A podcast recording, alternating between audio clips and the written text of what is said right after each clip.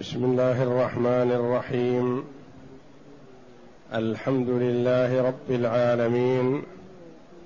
والصلاة والسلام على نبينا محمد وعلى آله وصحبه أجمعين. وبعد.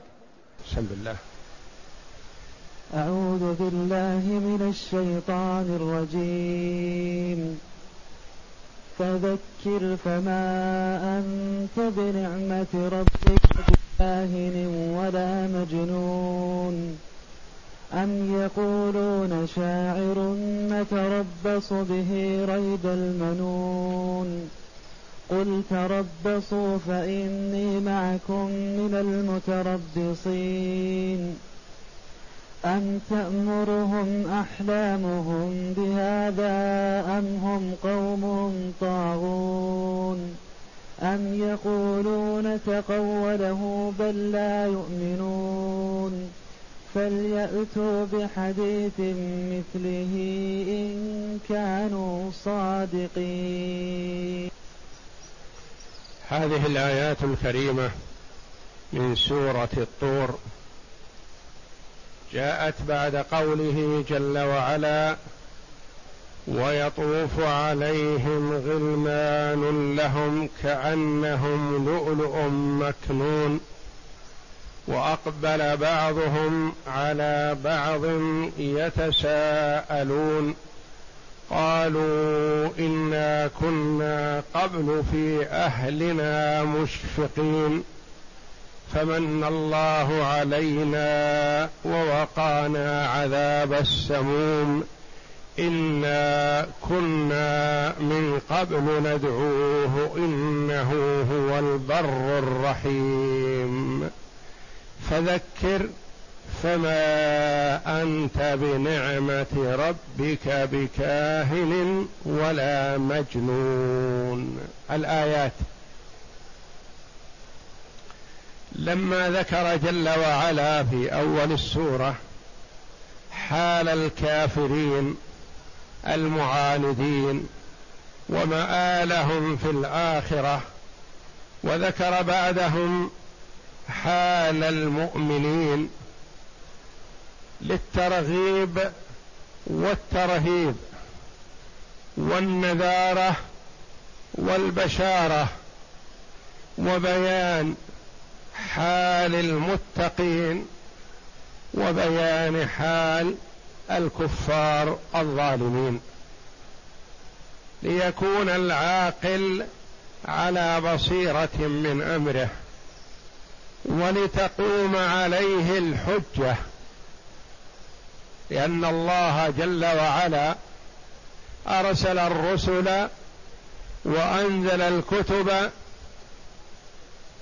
لتقوم الحجة على الخلق. ووضح الأمر جل وعلا جليا بينا. ثم إنه جل وعلا أمر رسوله صلى الله عليه وسلم بالاستمرار في الذكرى والموعظة.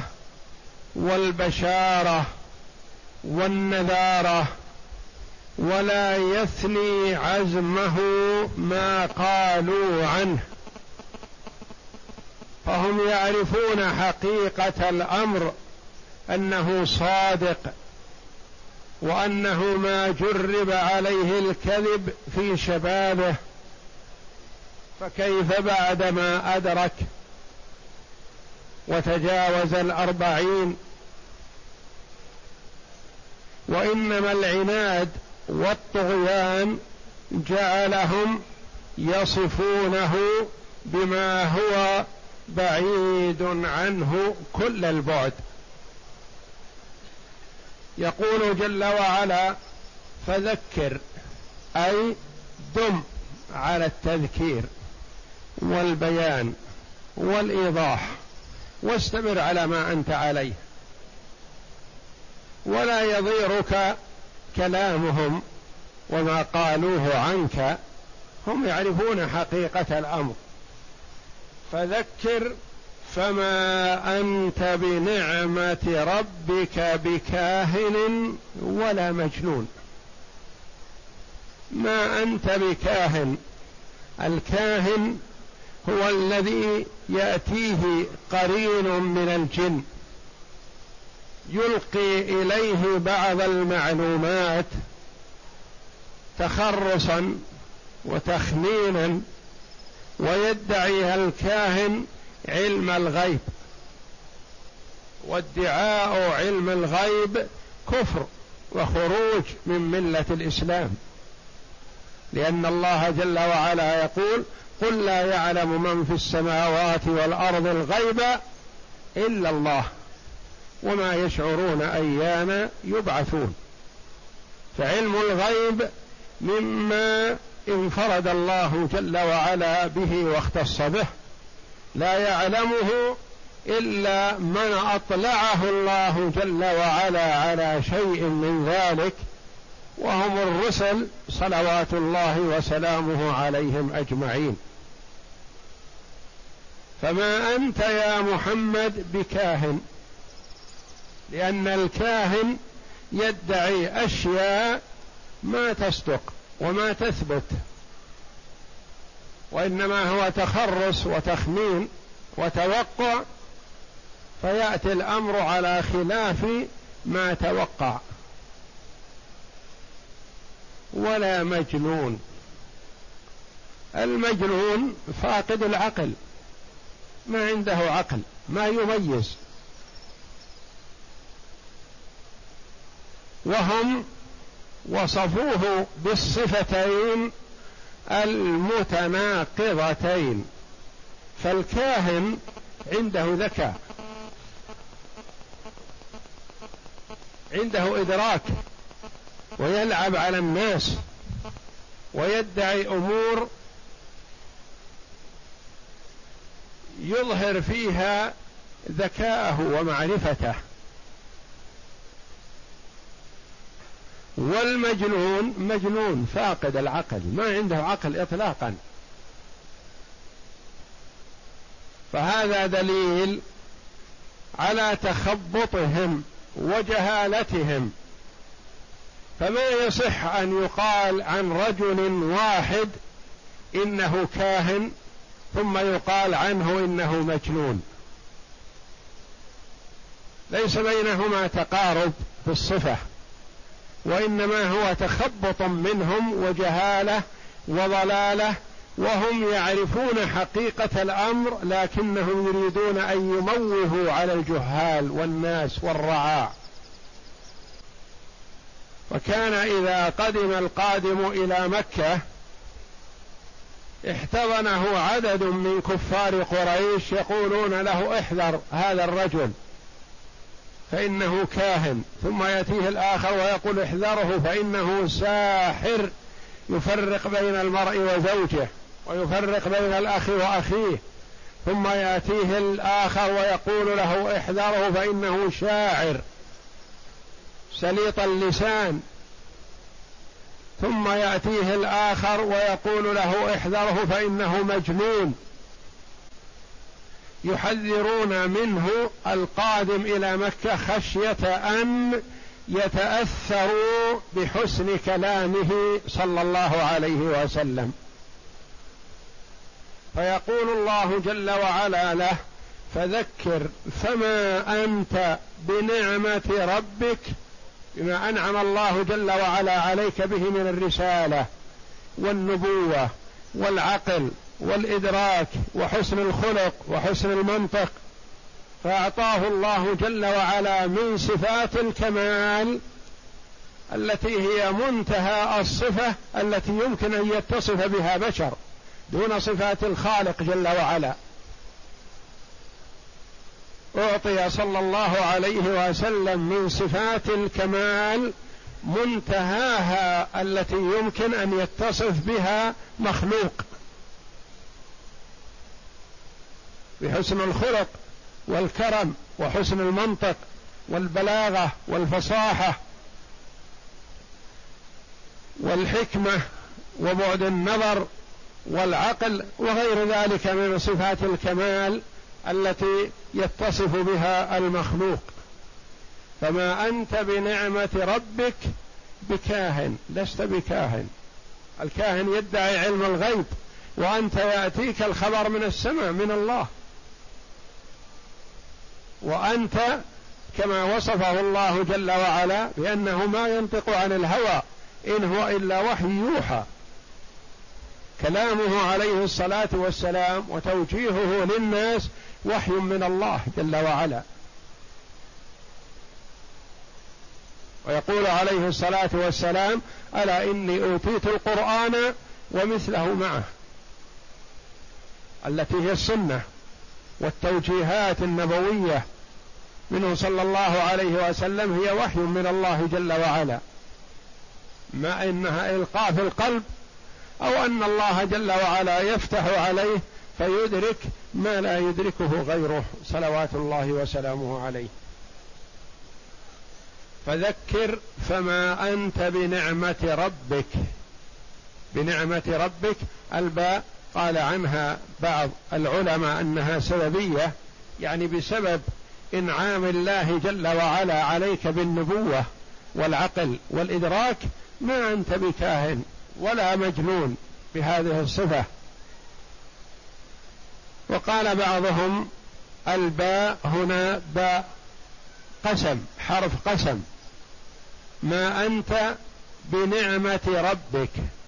كأنه قال ما أنت ونعمة, ونعمة الله التي أنعم الله عليك بها لا ساحر ولا مجنون لا كاهن ولا مجنون. فذكر فما أنت بنعمة ربك بكاهن ولا مجنون. أم يقولون شاعر؟ أم هذه تكررت في هذه السورة العظيمة خمس عشرة مرة. قال عنها العلماء رحمهم الله. قال الخليل بن أحمد هي بمعنى بل والهمزة. يعني بل التي للإضراب والهمزة التي للاستفهام. الإنكاري.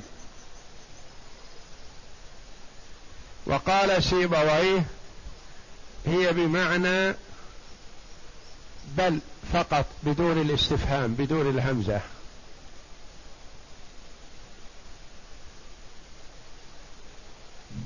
يقول سيبويه خطب العباد بما جرى في كلامهم. قال النحاس يريد سيبويه أن أم في كلام العرب للخروج من حديث إلى حديث يعني للإضراب بل كذا بل كذا. والخليل بن أحمد يقول أم هنا بمعنى بل والهمزة بل أيقولون شاعر؟ ويقول الخليل ليس المراد الاستفهام لأن الله جل وعلا لا تخفى عليه خافية ولم يطلب الجواب منهم. وإنما استفهم تعالى مع علمه بهم تقبيحا عليهم وتوبيخا لهم. كقول الشاعر الشخص لغيره أجاهل أنت مع علمه بجهله. يعني كأنك تقرر هذا الجاهل يقر بجهله. أجاهل أنت؟ وهو جاهل ما يعرف. فأنت توبخه على جهله. أم يقولون كذا أم يقولون كذا. أم يقولون شاعر نتربص به ريب المنون.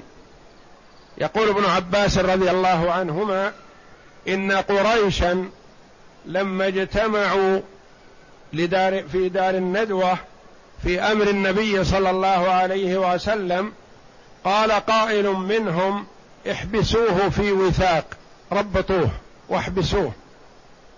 وتربصوا به المنون حتى يهلك كما هلك من قبله من الشعراء زهير والنابغة. إنما هو كأحدهم فأنزل الله جل وعلا في ذلك هذه الآية. قال ابن عباس رضي الله عنهما ريب المنون الموت. أم يقولون شاعر نتربص به يعني ننتظر به. نتركه حتى يأتيه الموت. نتربص به ريب المنون. ريب المنون يعني الموت والأجل أو ريب الدهر. تصرفات وتقلبات الدهر. فالمنون يطلق على الموت والمنون يطلق على الدهر والمنون القطع والموت يقطع الحياة وينهيها والدهر يقطع الآجال بمضي الدهر تنتهي الأعمار والآجال نتربص به ريب المنون قال الله جل وعلا له قل تربصوا فإني معكم من المتربصين. تربصوا انتظروا ما الذي يحصل وأنا منتظر ما الذي يحصل لكم. قال بعض المفسرين في هذا بشارة من الله. جل وعلا لرسوله صلى الله عليه وسلم بأنه سيحصل عليهم شيء فظيع حال حياة النبي صلى الله عليه وسلم. تربصوا فأنا معكم من المتربصين. أنتم انتظروا ما الذي يحصل لي وأنا منتظر ما الذي يحصل لكم. وهو عليه الصلاة والسلام يقول هذا عن الله جل وعلا ففيه إيحاء بأنه سيحصل لهم شيء. فيه نكال ولا أشد مما حصل لهم في الدنيا في وقعة بدر. أخزاهم الله جل وعلا وقتل من صناديدهم سبعين وأسر منهم سبعون. دفعوا الفداء.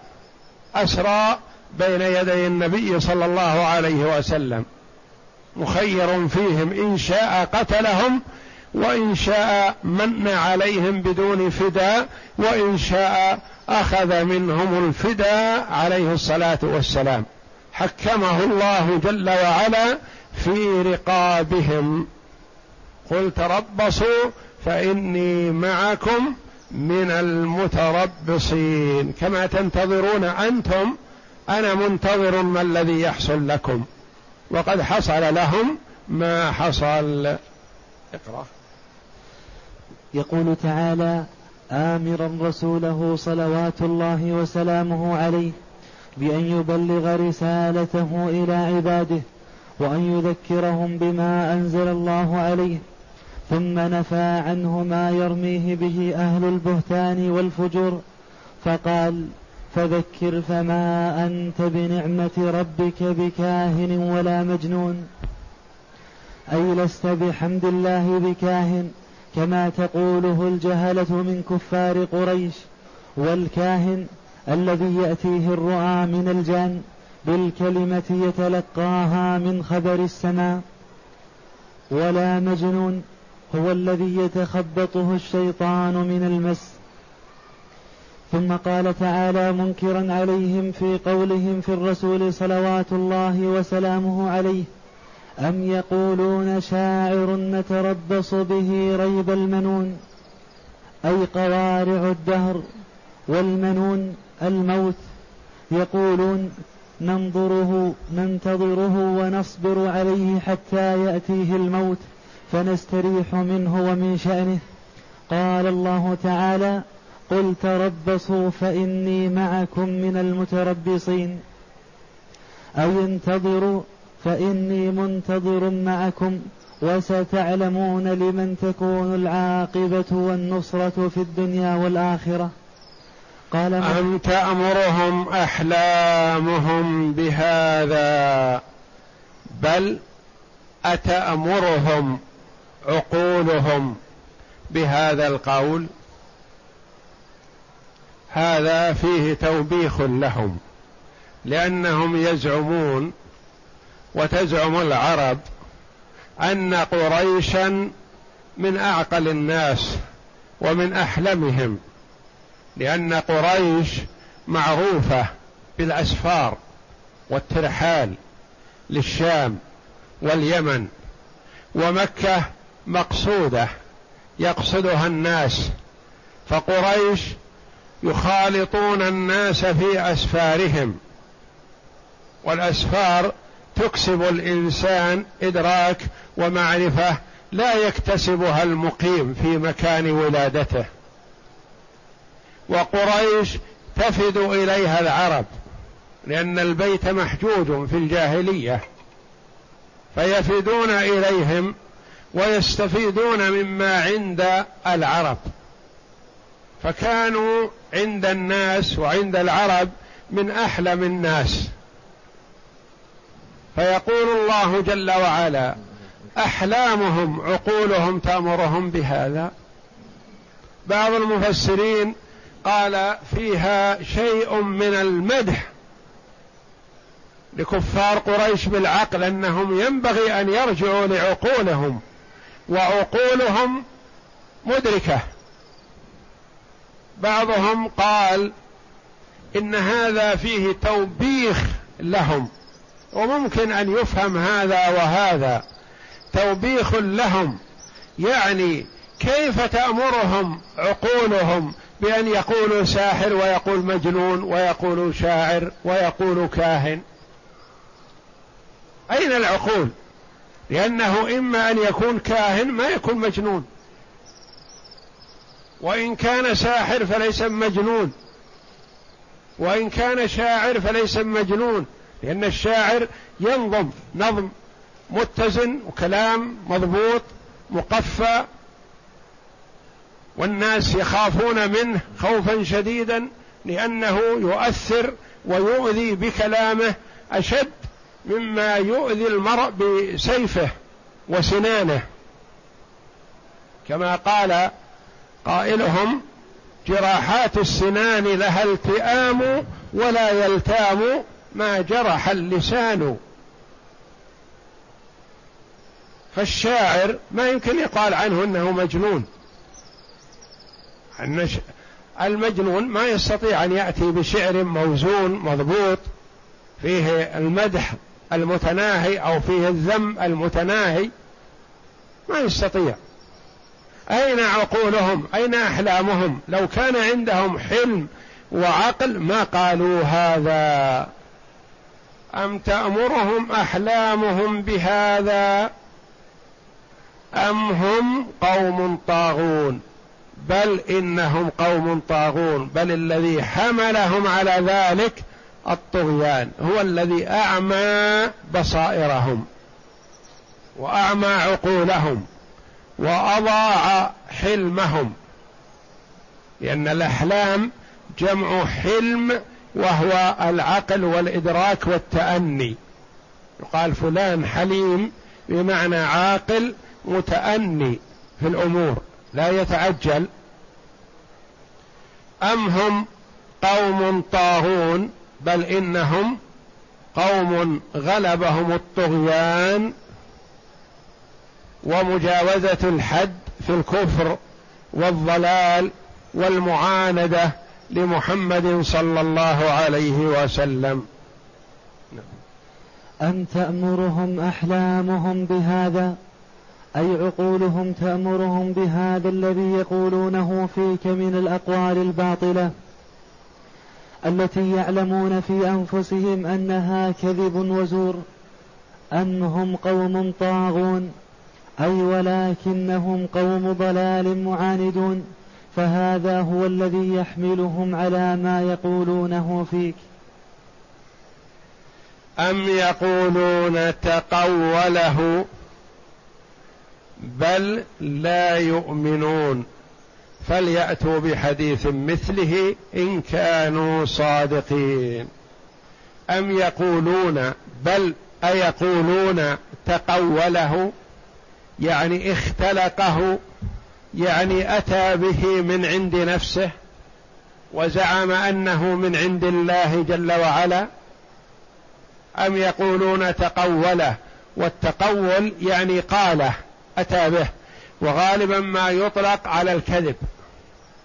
يقال فلان تقول كذا يعني أتى بهذا الكلام الكذب.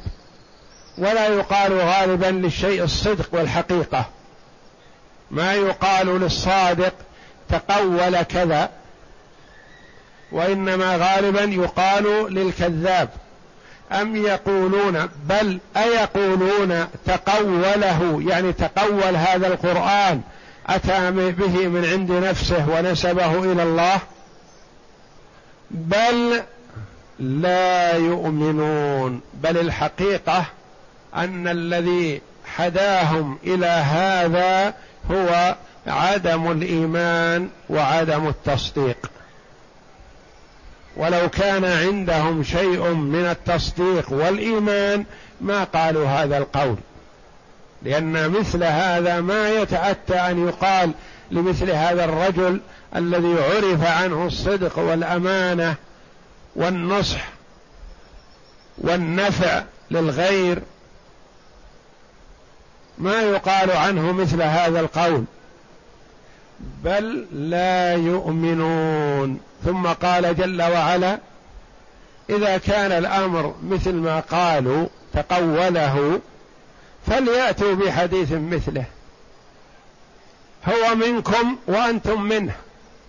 أنتم قريش وأنتم فصحاء العرب وأنتم البلغاء وأنتم المميزون بين الكلام الجيد والكلام الردي.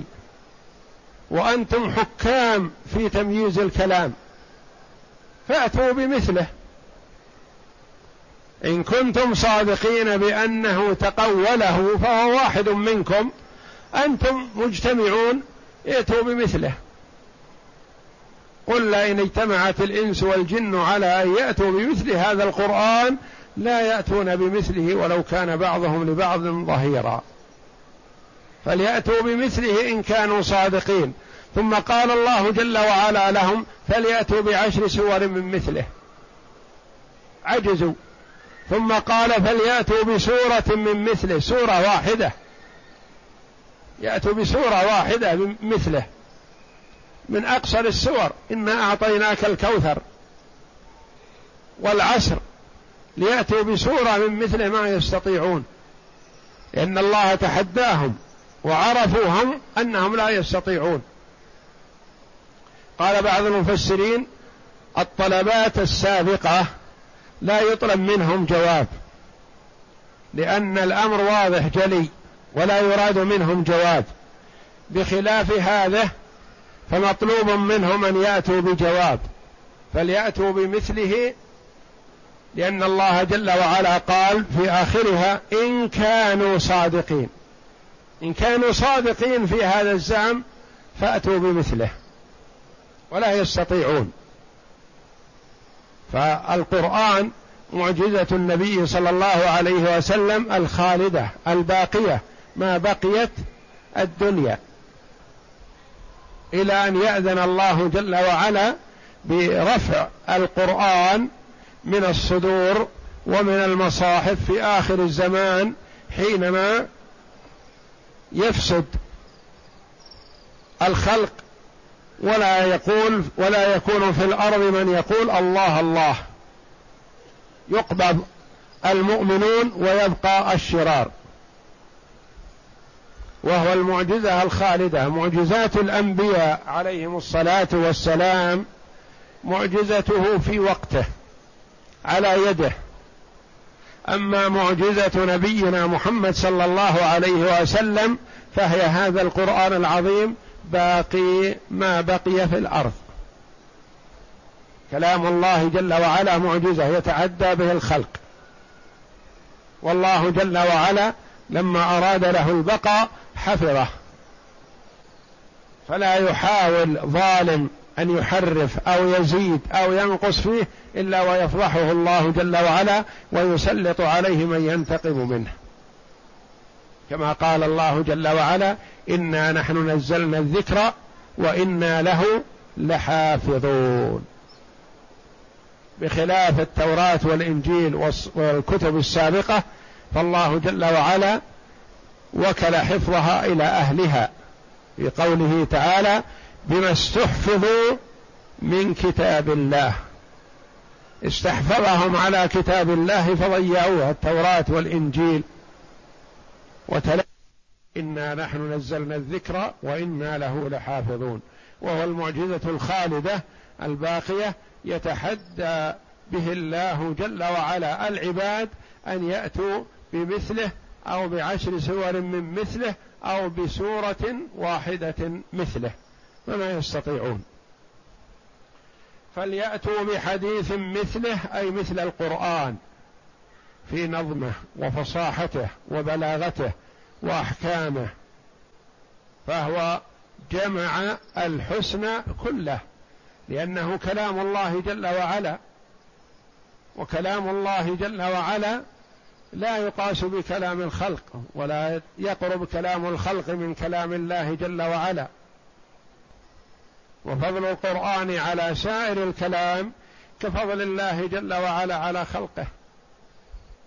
وهو كلام الله جل وعلا أوحاه إلى جبريل عليه الصلاة والسلام وجبريل نزل به على محمد صلى الله عليه وسلم.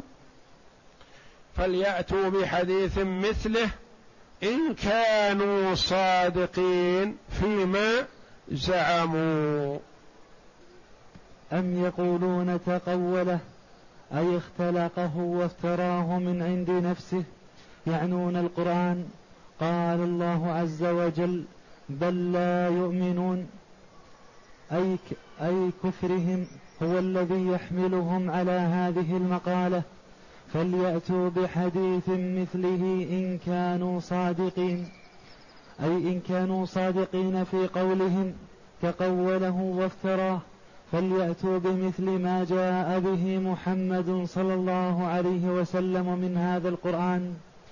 فإنهم لو اجتمعوهم وجميع أهل الأرض من الجن والإنس ما جاوزوه بمثله ولا بعشر سور. ولا بعشر سور من مثله ولا بسورة من مثله. والله أعلم وصلى الله وسلم وبارك على عبده ورسول نبينا محمد وعلى آله وصحبه أجمعين.